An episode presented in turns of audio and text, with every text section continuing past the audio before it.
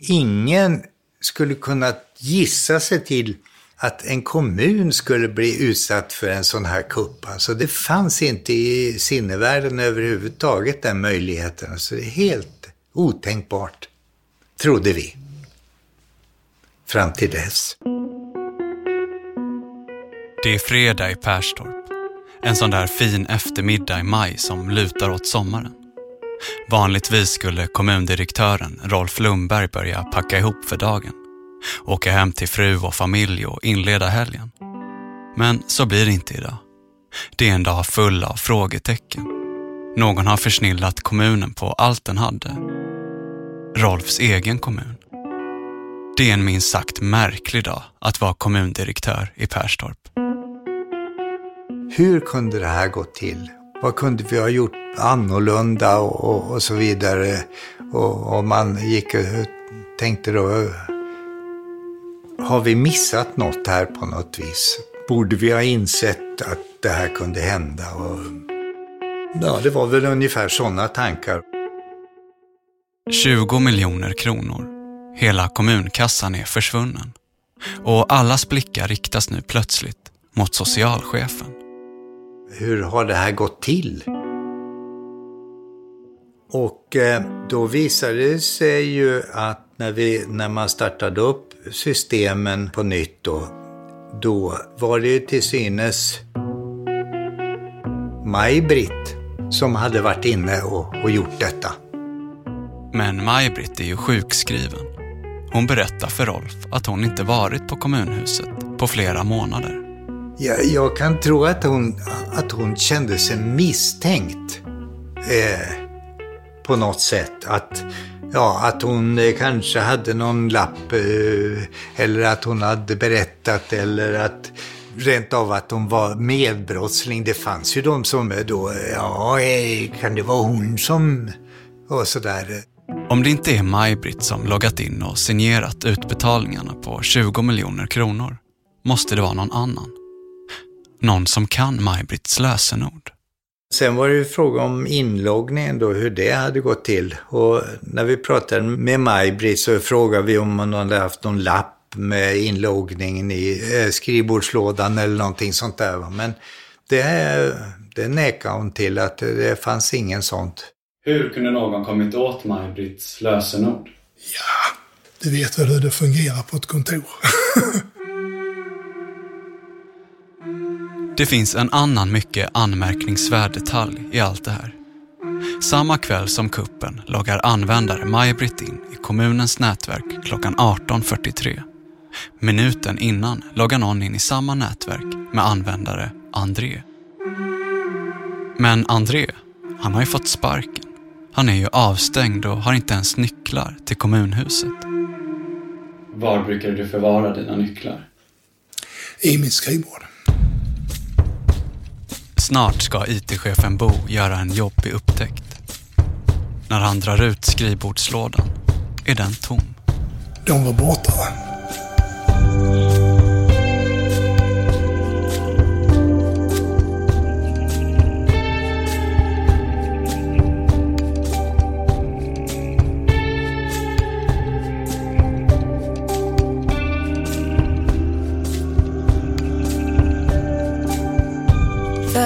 Ear Studios presenterar Skuggland Socialsekreteraren.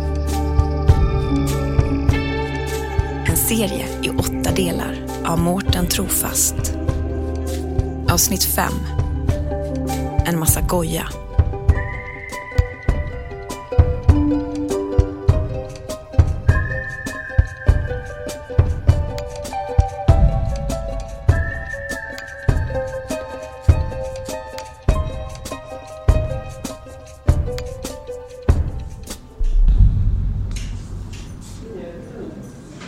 Det är den 21 maj 2003.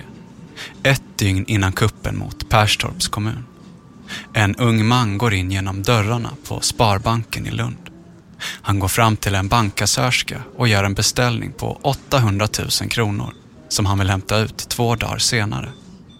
Fredagen den 23 maj. Den unga mannen beter sig lite underligt. Han darrar på handen och möter inte kassörskans blick. Och kassörskan känner oro. Hon misstänker att den unge mannen planerar att råna bankkontoret eftersom han inte har några pengar på sitt konto vid beställningstillfället. När den unge mannen lämnat bankkontoret ringer hon till polisen och de kommer överens om att en polisbil ska uppehålla sig i närheten av banken när den unge mannen kommer tillbaka. Men kassörskan säger fel datum till polisen. Den 22 maj istället för den 23. Och strax före klockan tre, på eftermiddagen den 23 maj 2003, är den unge mannen tillbaka på banken. Han har en stor svart ryggsäck över axlarna och ber om att få hämta ut 800 000 kronor. Kassörskan kontrollerar den unge mannens bankkonto och nu inser hon att han inte är någon rånare. På kontot finns betydligt mer pengar än vad som fanns två dagar tidigare. Samma dag har nämligen två insättningar gjorts på mannens konto. En på 200 000 kronor, den andra på 800 000 kronor och avsändaren Perstorps kommun. Kassörskan tycker det är lite märkligt med en så stor transaktion från en kommun till en privatperson. Men hon kontaktar inte kommunen eftersom det kan strida mot banksekretessen. Den unge mannen väntar tills han blir ensam kund på bankkontoret och kvitterar ut 800 000 kronor som han packar ner i sin svarta ryggsäck. Därefter lämnar han banken och ger sig iväg i riktning mot Klosterkyrkan i Lund. På kyrkogården intill den röda tegelkyrkan står någon och väntar. En man med bruna ögon och kortklippt frisyr. Han är klädd i kavaj av längre modell. Har en rosa skjorta och mörka, välpressade kostymbyxor. Den välklädde mannen tar emot ryggsäcken och försvinner. Hade jag ställt upp mot Ben Johnson i Seoul 1988, han var visserligen dopad och sprang på 9,79 så hade jag slått honom i det ögonblicket. Det gick undan, det kan jag säga. Det var tur att jag inte jag mötte på några så jag välte dem under den tiden. Samtidigt på Föreningssparbanken i Perstorp har ekonomichefen Anders Ottosson precis fått det bekräftat att fem stycken betalfiler på 20 miljoner kronor har lämnat kommunen. Det verkar som att han kom lite för sent. Att världsrekordet på 200 meter över torget i Perstorp var till ingen nytta. Men det finns en person som kanske kan hjälpa Anders, kommunen, ja, hela orten. Britt-Marie. Då sa jag så här att vi måste ringa upp bankgirocentralen för att vi måste på något vis få stopp om det går. Och Britt-Marie ringer då upp och får tag på eh, en person som heter Johanna och eh, meddelar då vad jag har sagt. Och Johanna, hon eh, informerar ju då Britt-Marie att då får du informera ekonomichefen att eh, vi måste ha en fullmakt för att stoppa de här eh, eventuella filerna som då är på väg ut. Och det förstår jag ju naturligtvis bankgirocentralen, för det kan ju vara vilken som helst som ringer upp och säger att vi ska stoppa till höger och vänster. Men då eh, sa jag till henne att jag hinner inte, jag kan inte springa runt. och är det två stycken som ska skriva på en fullmakt. Och hitta två personer i den röran som var, som har befogenhet att skriva på en fullmakt, den tiden finns inte. Det är en smått hysterisk stämning på bankkontoret i Perstorp. Pärlor av svett rinner längs med ekonomichefens panna. Varje minut, varje sekund är avgörande. Det finns inte tid för någon fullmakt. För samtidigt som Anders och Johanna pratar i telefon händer något. Hon kunde då se att den första filen hade gått iväg med ett belopp om knappt 1,3 miljoner kronor. Den första dryga miljonen är förlorad. Och då sa jag, det är väldigt bråttom nu för att det är fyra filer till som är på väg ut. Jag ska göra vad jag kan, sa hon. Så hon kontaktade sin säkerhetschef och pratade om för honom att vi får ingen fullmakt. Det här är ett allvarligt läge. Och när hon kommer tillbaka så får vi då reda på att den andra felbetal för utbetalningsfilen om 1,7 miljoner drygt har då lämnat och gått ut på de olika bankkontoren. Nu är det bara tre betalfiler kvar och nästa fil som är på väg ut är värd nästan 10 miljoner kronor. Den måste stoppas, annars kommer kommunen gå under. Men hon meddelar då glädjande nog att resterande tre filer som då omfattar ungefär 17 miljoner har vi då lyckats stoppa. Och då blir jag ju glad naturligtvis. Då har vi så vi kan fixa lön till våra anställda, vilket var det viktigaste, och vi kan betala eh, de fakturor som vi är skyldiga att betala. Så det var en stor lättnad. Men tre miljoner saknas fortfarande. Nu är det tre miljoner som har eh, gått ut till olika bankkontor. Vi visste inte vilka. Men då bestämde jag och Britt-Marie att vi hjälptes åt. Anders och Britt-Marie ringer runt till olika banker i södra Sverige. Så vi ringde ju runt till de här kända bankerna och talade om att det hade gått ut 3 miljoner kronor. Och att eh, det var ett bedrägligt eh, förfarande.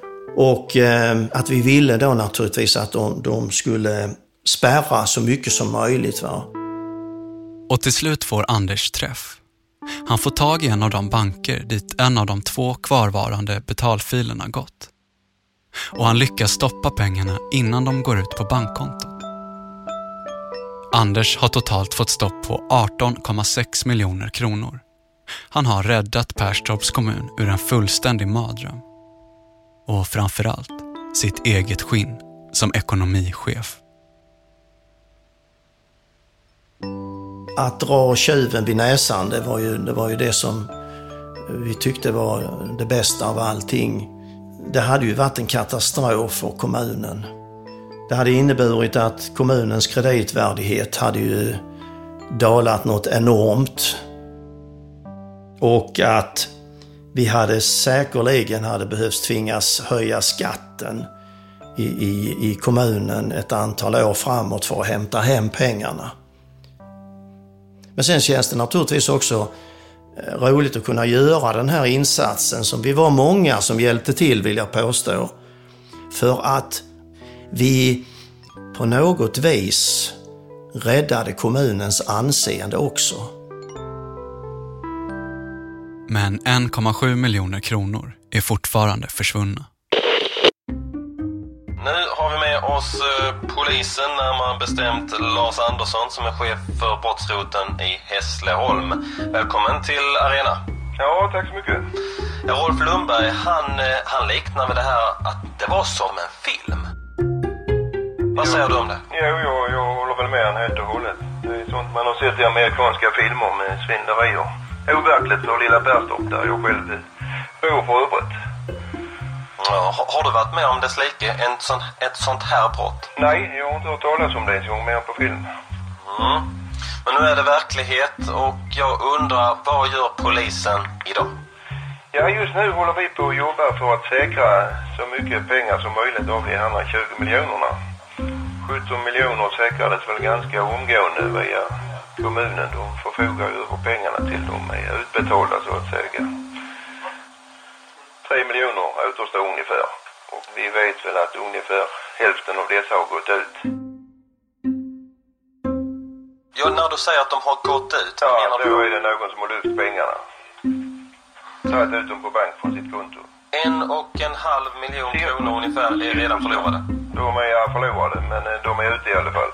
Om vi sen kan återskaffa dem är det bra, va? men de står inte kvar på något konto. Hur gör ni för att spåra bedragarna? Vi jobbar intensivt med banken. Hur många poliser till exempel är ni inblandade i det här? Fyra, fem stycken till och från. Vi får nog det antal som behövs. Hur många är inblandade i den här härvan? Vet ni det? Det vet vi inte. Ja, jag vet inte. Jag har liknande grejer jag ska göra med huset. Det här är Leif Felin, ni vet kommissarien som två dagar innan kuppen fick alla anmälningar om Andres felaktiga utbetalningar på sitt bord, men som lät dem ligga och åkte på husvagnssemester med frugan till Oskarshamn. Och jag tänkte jag låter den ligga tills jag kommer tillbaka. Jag åkte lugnt på semester. Vi hade vår husvagn Eh, stående på eh, en camping i Oskarshamn. Och då satt jag vid något tillfälle på kvällen och slölyssnade. Jag tittade inte direkt på TVn men jag hörde lite bakom och så hörde jag att man nämnde Perstorp. Och jag hajade till och eh, for upp och tittade och då eh, en bild på TVn som visade kommunhuset i Perstorp. Och jag tänkte, vad är det som har hänt? Då handlade det om att eh, någon hade försnillat 20 miljoner. Jag tänkte, vad är detta liksom? Jag, jag, visste att jag hade anmälningar för en miljon och att det handlade om 20 miljoner, eh, det, jag kunde inte få in det i huvudet. Jag blev frustrerad faktiskt och jag kunde knappt eh, vänta till... Men dagen efter ringde jag till min kollega Lejon Leif ringer till kollegan, Ingmar Lejon, som berättar om det kaosartade dygnet på kommunhuset i Perstorp. Om vattenläckan, de kraschade systemen och om pengarna som försvunnit. Och Leif, han blir nu ansvarig för utredningen. Vi satte igång eh, direkt eftersom ärendet visade sig ha en sån omfattning. Vi hade ju mycket förhör med anställda på kommunkontoret för att det var ju där brottet hade skett och vi försökte få så mycket information som möjligt. Leif pratar med typ alla som jobbar på socialkontoret i Perstorp. Det är förhör med socialchefen Ann, socialsekreterare Karin Cohen, IT-chefen Bo och ekonomichefen Anders och såklart kommundirektören Rolf. Men någon de inte får tag i, det är André. Vi försökte att nå bekanta till honom. Nu, nu var det ju inte många som kände till vilka bekanta han hade. Och så vidare. Så att det, det var inte lätt att spåra honom vid någon bostad. André är skriven på Södra Förstadsgatan i Malmö. Men där är han inte.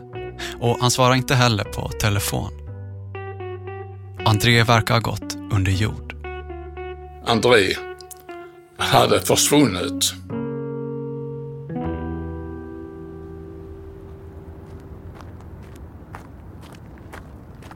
Det är måndag den 26 maj 2003. Fyra dagar efter den stora kuppen.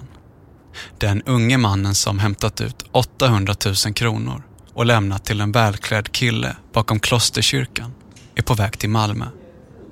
Han ska hämta ut en postväxel på 200 000 kronor. Den unge mannen kliver in på Forex i Malmö, visar upp sitt pass och ber att få hämta ut pengarna. Han ombeds att sitta ner och vänta. Och han får vänta länge. Kassörskan bakom kassan verkar pyssla med något. Det tar tid. Och plötsligt öppnas dörrarna till Forex-kontoret. Och där står två uniformerade poliser. Är det något strul? frågar den ena konstapeln. Sekunden senare grips den unge mannen och får följa med till polisstationen i Malmö. Vi kan kalla den unge mannen för Tony. Tony berättar att han i början av maj 2003, alltså några veckor innan kuppen, får ett samtal ifrån ett hemligt nummer. Personen på andra sidan luren verkar veta allt om Tony och säger “Jag vet att du har lite problem, men är pålitlig”. Tony har ingen aning om vem mannen är. Mannen frågar Tony om han kan hjälpa honom med en grej. Han frågar om han kan få sätta in pengar på Tonys bankkonto. Och för besväret ska Tony få 200 000 kronor. Tony är inte den som tackar nej till snabba pengar direkt. Och den 23 maj hämtar han ut 800 000 kronor och överlämnar till en man i rosa skjorta bakom klosterkyrkan i Lund. Och för besväret får Tony, precis som utlovat, 200 000 kronor.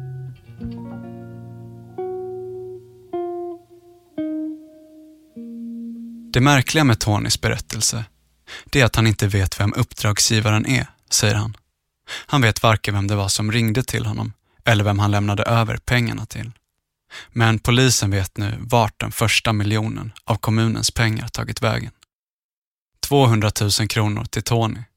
Resterande 800 till en okänd man i rosa skjorta. Det är fortfarande mycket som är oklart kring vad som hänt på kommunen. Vem eller vilka som ligger bakom kuppen. Men genom att läsa datorloggarna och titta på dörrpassager går det att följa exakt vad som hände kvällen den 22 maj 2003. Och det är en tekniskt avancerad kupp som någon eller några lyckats genomföra. Klockan 18.27.57 öppnas dörren till socialförvaltningen med IT-chefen Bos extra nyckel. Knappt tio minuter senare öppnas samma dörr av Karin Cohen som lämnar efter ett par minuter. Klockan 18.42 loggar användare André in i kommunens nätverk.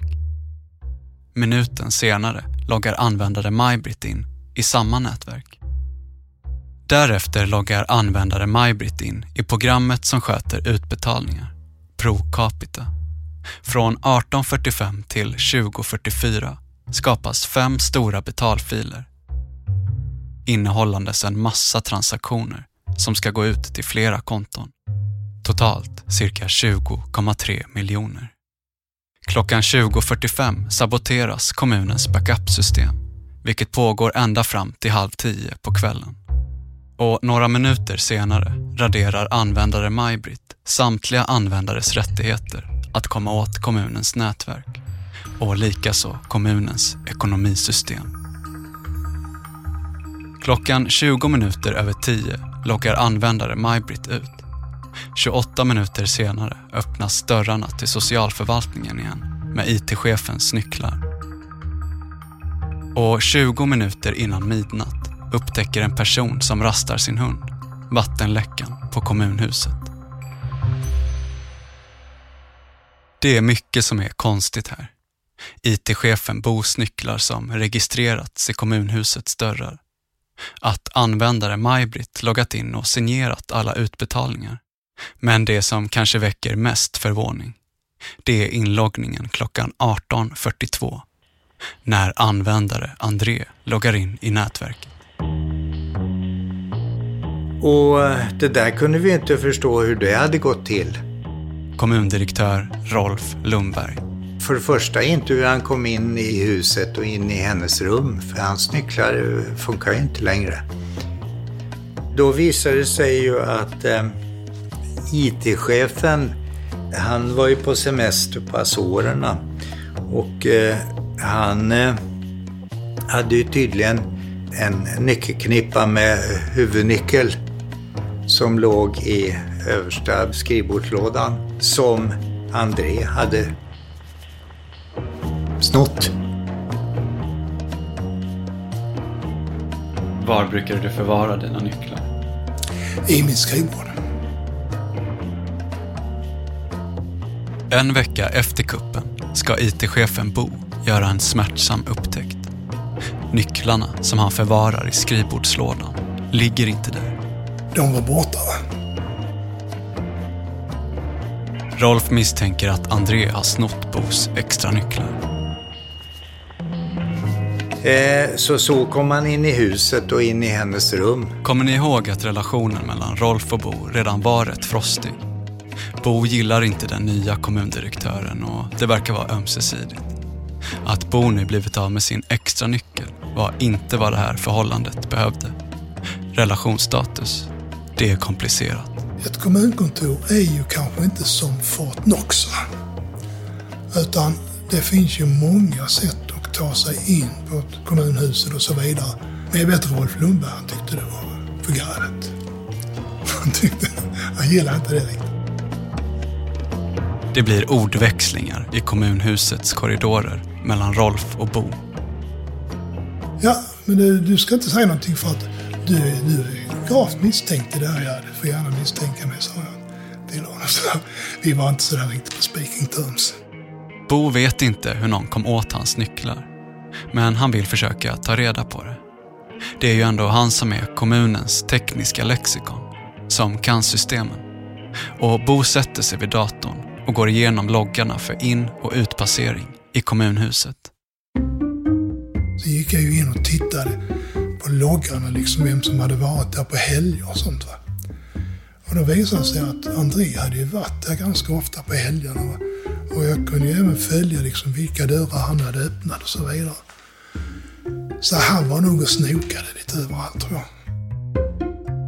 Det verkar som att kommundirektören Rolf hade rätt ändå. Att André har snott Bos extra nycklar. Så nu återstår väl bara ett mysterium. Men sen var det ju fråga om inloggningen då, hur det hade gått till. Det är användare Maj-Britt som till synes genomfört hela kuppen. Det är hennes inlogg som har signerat alla utbetalningar.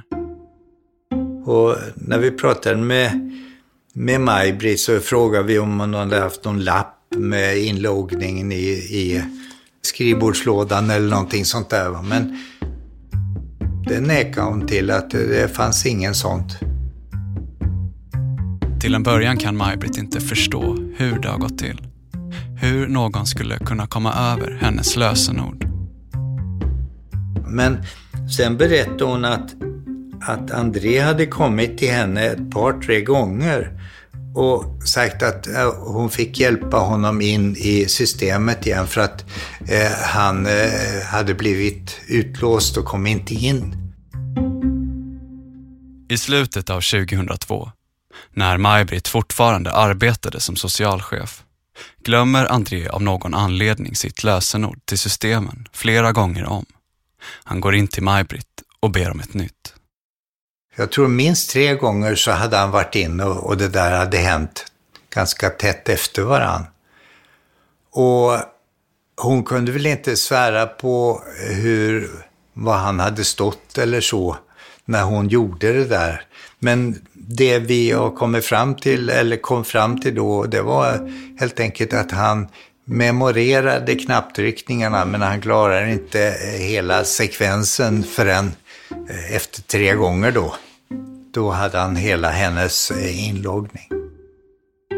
Han var ju, han var ju rätt störd var han egentligen. Alla, alla ville ju säga att han var ju så väldigt klok och så vidare, men det var han inte. IT-chefen Bo fortsätter sin egna lilla utredning på kommunhuset i Perstorp. Han går in på Andreas kontorsrum och sätter sig vid hans dator och börjar återskapa gamla filer som André raderat. Han har ju skrivit en massa gojar och sånt va. Bo gör en ny upptäckt. En upptäckt som för första gången ska avslöja något om Andreas liv utanför kommunhusets väggar. Bland de återskapade filerna hittar Bo något som liknar en dagbok. Det är den vi har fått höra tidigare i dokumentären. Det verkar vara en berättelse om Andreas liv. Bland annat så var det en, han beskrev då hur han hade varit ute på kvällen nere i Malmö. Och de hade varit, hela natten hade de varit på någon, något av ställena där nere. Och väl då liksom köpt champagne hela kvällen. Någonting. På kvällen hem i taxin då, tillsammans med en av hans killar då. Då hade de suttit och rivit sönder tusenlappar i taxin. Därför att det var ju, nu, det var ju höjden av lycka för dem att kunna göra det. Så det är ungefär som de som vaskar champagne idag. Sen då i alla fall så skulle han ju vara på jobbet dagen efter. Men han kom väl sent. Och då beskriver han då när han skriver, sitter och skriver sen där, hur illa han mådde. Han var så bakis av droger. Så han satt då inne på toaletten och spydde och kräktes. Va? Dagbok är inte det enda som han lyckas hitta. IT-konsulten Jerry lyckas också återskapa alla Andres utbetalningar av bidrag. Från det att han började tills han fick sparken. Och det visar sig att själva kuppen bara var crescendot i ett bedrägeri som pågått under flera års tid. Redan efter ett halvår börjar André fiffla med kommunens pengar. Han skapar egna utredningar och diktar ihop egna historier om personer som hade svårt och behöver socialbidrag. Kruxet är bara att André aldrig träffat de här personerna. Och de har ingen aning om att de får socialbidrag av Perstorps kommun. För personerna som André utreder bor inte i kommunen. Det är människor som bor över hela landet. Från Malmö i söder till Arvidsjaur i norr. Men inte i Perstorp. Genom att använda deras personnummer har André kunnat skapa fiktiva klienter och sen knappat in sitt eget och sina vänners kontonummer. Och pengarna från Perstorps kommun har gått till honom själv och till polarna. Och det här har inte hänt en eller två gånger. Inte tre, fyra eller fem heller.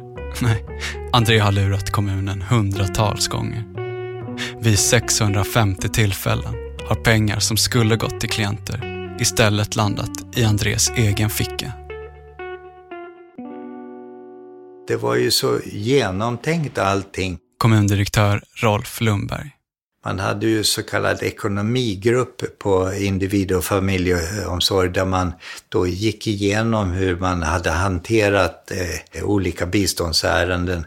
Och, och, där hade ju André då, dels hade han ju betalat ut pengar till, till familjer som hade flyttat från Perstorp, men han hade så att säga på pappret flyttat tillbaka dem.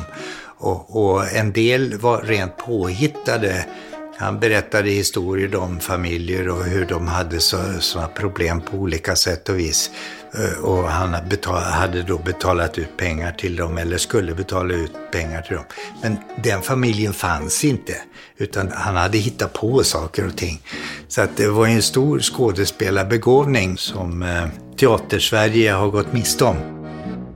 Och det är ju det som är så himla konstigt efteråt. Socialsekreterare Karin Cohen att få kläm på att liksom, men shit, de här människorna som jag har suttit och följt eh, genom våra morgonmöten, de har inte ens funnits. Liksom. Det är ju jättekonstigt. Jag kommer ihåg något av ärendena, en kille som Alltså nu kommer jag inte exakt ihåg vad det var för diagnos han hade, men han hade någon konstig somatisk sjukdom som som vi liksom, som jag följde med i och hur gick det nu och skulle han opereras igen och du vet så här och, och det är en person som inte finns. Under sin tid som socialsekreterare i Perstorp lyckades André plocka ut över 5 miljoner kronor av kommunens pengar och ge till sig själv. Och då är inte ens pengarna från kuppen inräknade. André har försnillat tiotusentals kronor i veckan, varje vecka i över tre års tid. Ekonomichefen Anders Ottosson. Att tro att en socialsekreterare ska nyttja systemet på det här sättet, det var vi väl ingen som kunde tro. Eh, att eh, man kunde vara så slug och eh, illvillig och göra på det här sättet, det, det bygger mycket på förtroenden givetvis. Va? Att handha eh, utbetalning av socialbidrag. Och det missbrukar han ju totalt.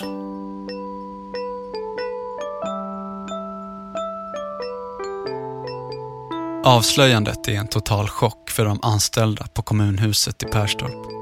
I synnerhet för Karin Cohen. Det är en jävla kalldusch att inse att den kollega som han jobbat närmast som satt i rummet bredvid och som stöttat den i arbetet bara är en enda stor bluff. Jag har nästan varit fascinerad över hur en person kan manipulera så till den milda grad under så lång tid och fortsätta fungera. Det kan jag sådär, hur gör man ens det? Många har frågat mig, men hur kunde ni inte märka någonting? Nej, det är jättekonstigt, men det går. Alltså, med en människa som är tillräckligt slipad och, och manipulativ och bestämd på det han håller på med så går det. Skrämmande, men det gör det.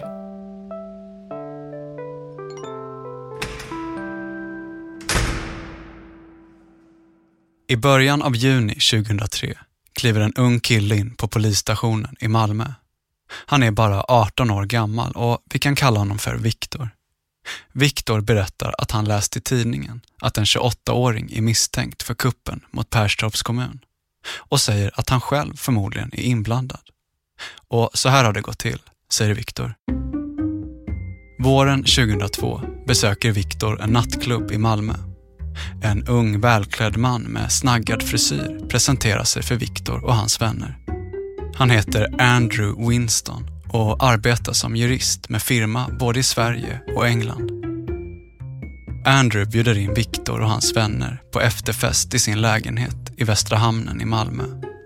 Och efter festkvällen kommer Viktor fortsätta att umgås med Andrew.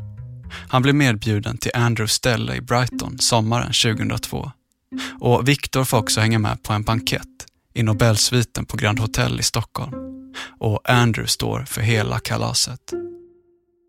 Runt jul 2002 berättar Andrew att hans företag ska byta namn till Legal Group och etablera sig på flera ställen runt om i Europa. Andrew bjuder in till en fet fest på nattklubben Vonk på Adelgatan i Malmö. Kommissarie Leif Welin fattar att personen som Viktor kallar Andrew egentligen är den före detta socialsekreteraren, André. Det var flera olika identiteter.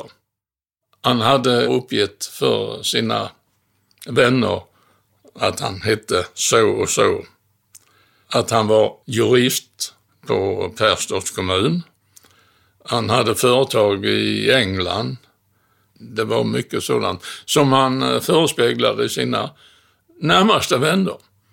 Så att eh, de närmsta vännerna visste inte så mycket om honom. Vi fick en känsla av att han skulle imponera på sin umgängeskrets. Jag, jag fick inte uppfattningen att han sökte imponera på sina arbetskamrater. Viktors berättelse har gett polisen en unik inblick i Andreas liv utanför kommunhuset. André har levt ett extravagant liv som verkar otänkbart med tanke på vad en socialsekreterare tjänar. I bilregistret kan utredarna se att André äger flera olika lyxbilar. En MG, en Jaguar och en Chrysler. Och snart hittar polisen ännu en ohållbar ekvation i historien om Andrés liv. Jag kommer ihåg att han hade en hyra på cirka 19 000 kronor. Och när jag fick fram eh, inkomstuppgifterna på kommunkontoret så låg hans eh, nettoinkomst på ungefär 12 000 kronor. Tillbaka till förhöret med Viktor som berättar om Andrew som en världsvan person som rör sig med mycket pengar. Men Viktor berättar också en annan grej. Att hösten 2002, när han fyller 18, kommer Andrew med ett förslag. Andrew säger att han tänker plocka hem pengar från firman i England men vill slippa betala skatt och undrar om Viktor kan hjälpa till. Han vill att Viktor öppnar två bankkonton i Sverige. Och Viktor är inte svårflörtad.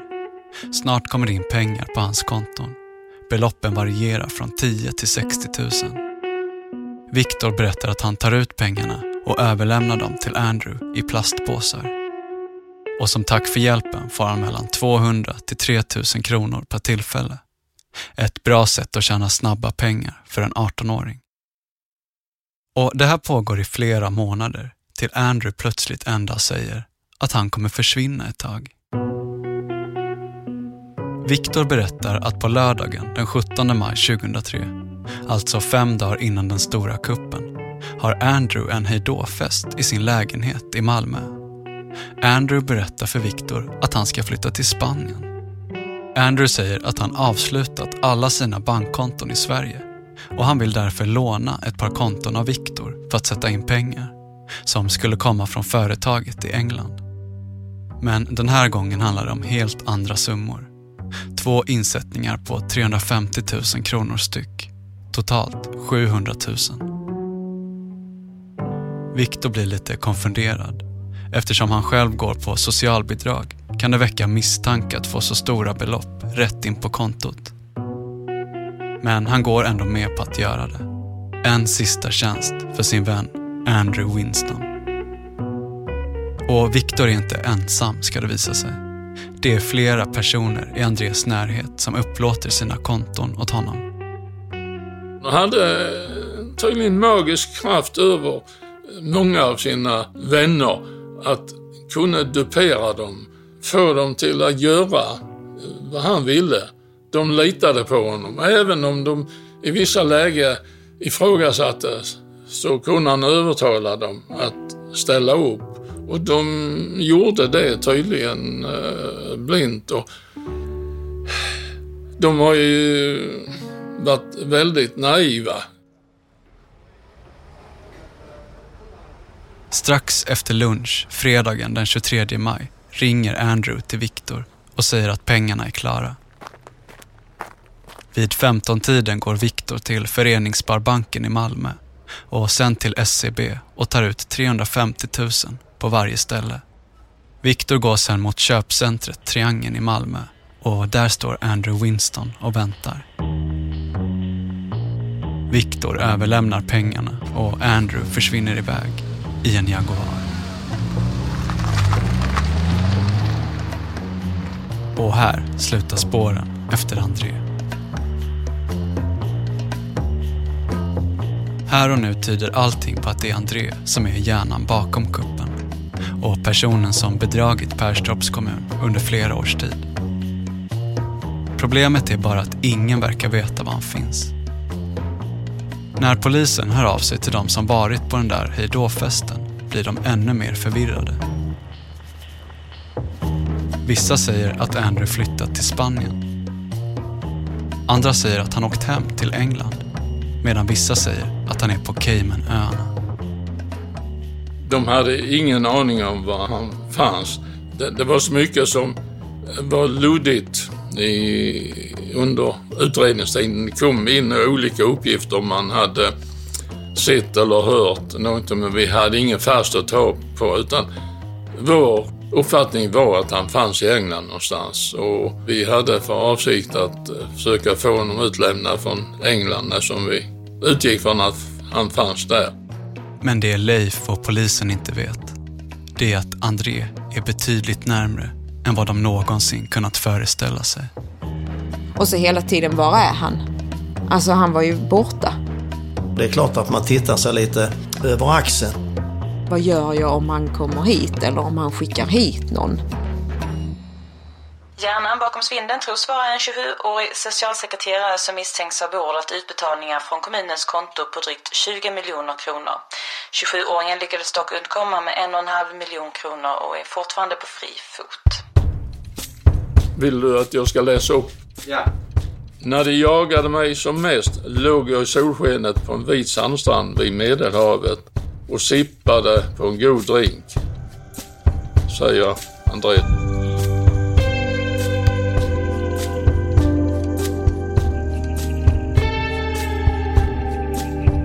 Du har lyssnat på Skuggland, socialsekreteraren.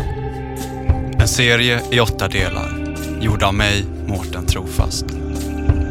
Producent var David Mer. Slutmix Gustav Sondén. I redaktionen finns också Anna Åkerlund, Sara Lundin, Love Lysarides, Maria Hansson Botin och Joel Silberstein Hont.